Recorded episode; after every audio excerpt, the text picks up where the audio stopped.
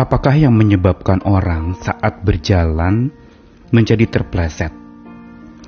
Biasanya kalau ada air yang menggenang dan dia tidak lihat, tampaknya lantai itu biasa saja. Tetapi ternyata ada air yang membuat dia terpleset dan jatuh. Atau mungkin yang menyebabkan seorang terpleset juga adalah kulit pisang yang tidak terlihat oleh orang yang berjalan dan kulit pisang itu menyebabkan orang jatuh. Air atau kulit pisang dua-duanya punya sifat yang sama yaitu licin. Memang tampaknya baik-baik saja, tapi ketika diinjak dan orang tidak awas kepada air dan kulit pisang itu, maka dia menjadi terpleset. Kurang hati-hati biasanya. Dan karena lagi fokus kepada hal yang lain, tidak melihat kondisi lantai yang dia pijak. Begitu juga di dalam orang saat berdagang, para pedagang pasti mengejar untung dan meraih omset yang banyak. Tidak bisa tidak, karena ada sebuah paham yang mengatakan di dalam dunia dagang kita harus pikir untung rugi. Kalau enggak kita bisa jadi rugi sendiri. Kita perlu pikirkan bagaimana pemasukan, pengeluaran, dan kita juga yang pasti harus memikirkan seberapa keuntungan yang kita peroleh. Wajar-wajar saja memang pedagang harus berpikir untung rugi supaya dia tidak jadi rugi. Namun, bila berlebihan, hati-hati karena keuntungan dan pengejaran omset yang banyak itu bisa menjadi seperti air yang licin atau kulit pisang yang menyebabkan seseorang berjalan terpleset.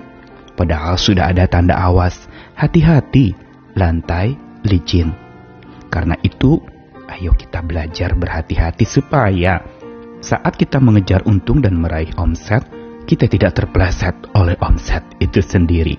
Saya Nikolas Kurniawan menemani di dalam Sabda Tuhan hari ini dari dua ayat yang saya bacakan di dalam pertama adalah dari Yeremia pasal 6 ayat 13 Sesungguhnya dari yang kecil sampai yang besar di antara mereka semuanya mengejar untung. Baik nabi maupun imam semuanya melakukan tipu. Lalu satu ayat lagi dari perjanjian baru Yudas pasal 1 ayat yang ke-16 mereka itu orang-orang yang menggerutu dan mengeluh tentang nasibnya. Hidup menuruti hawa nafsunya, tapi mulut mereka mengeluarkan perkataan yang bukan-bukan, dan mereka menjilat orang untuk mendapat keuntungan. Dua ayat yang saya bacakan adalah sebuah realitas sekaligus teguran kepada orang-orang percaya Pertama, di dalam Yeremia ditujukan kepada orang-orang Yerusalem dan juga Yehuda yang ternyata memang menyimpang di dalam kehidupan mereka. Mereka tokoh-tokoh beragama tetapi ternyata mereka mengejar bukan Tuhan yang mereka beritakan itu tetapi keuntungan diri mereka sendiri. Bahkan dikatakan dari kecil sampai yang besar, semua kejar untung. Baik nabi maupun imam, semua lakukan tipu. Bayangkan, Kondisi yang begitu mengenaskan. Segala usia sudah kejar untung. Bahkan pemuka-pemuka agama pun melakukan tipu demi mengejar untung. Dan ini setara dengan apa yang di surat Yudas dikatakan tentang nabi-nabi palsu atau orang-orang yang melayani dengan cara yang salah.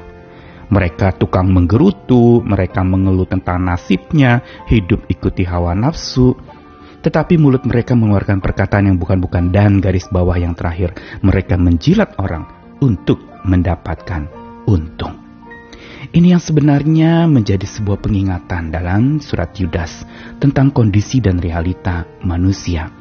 Yang sekalipun apa pun agamanya, apa pun keyakinan dan kepercayaannya, godaan untuk meraih untung dan mengejar omset itu sangat tinggi Bukankah kita memang ada di dunia yang memang serba dagang, serba semua diperhitungkan sebagai transaksi, sehingga akhirnya kita bisa dibutakan oleh semua pengejaran untung itu. Bahkan bisa jadi menghalalkan segala cara demi untung. Mengejar omset begitu rupa, sampai lupa bahwa omset itu seperti kulit pisang atau air yang licin menyebabkan orang terpleset. Hati-hati, Tuhan sudah ingatkan, akar dari segala kejahatan adalah cinta uang. Bukan kita tidak boleh butuh uang. Kita butuh uang untuk alat tukar, untuk kebutuhan kita, untuk mungkin invest masa depan. It's okay. Tetapi kalau cinta uang yang muncul itu menjadi bahaya. Karena gambaran cinta uang yang digambarkan dalam kitab suci adalah sebuah ungkapan, sebuah kegandrungan, pemujaan kepada uang yang berlebihan. Dan ini dikatakan akar dari segala kejahatan. Bukankah sekarang di mana-mana problematika dunia ini adalah ketika mereka mengejar uang. Ketika mereka dibutakan oleh harta benda. Ketika mereka ingin kaya dan ingin cepat kaya dengan segala macam cara sampai mengorbankan percaya mereka demi jadi kaya. Bukankah ada banyak orang yang bahkan maaf beralih agama atau imannya demi supaya jadi kaya, prestise, kedudukan naik, jabatan naik, dan akhirnya mereka terpleset oleh omset. Demi kejar untung, akhirnya mereka korbankan keyakinan mereka.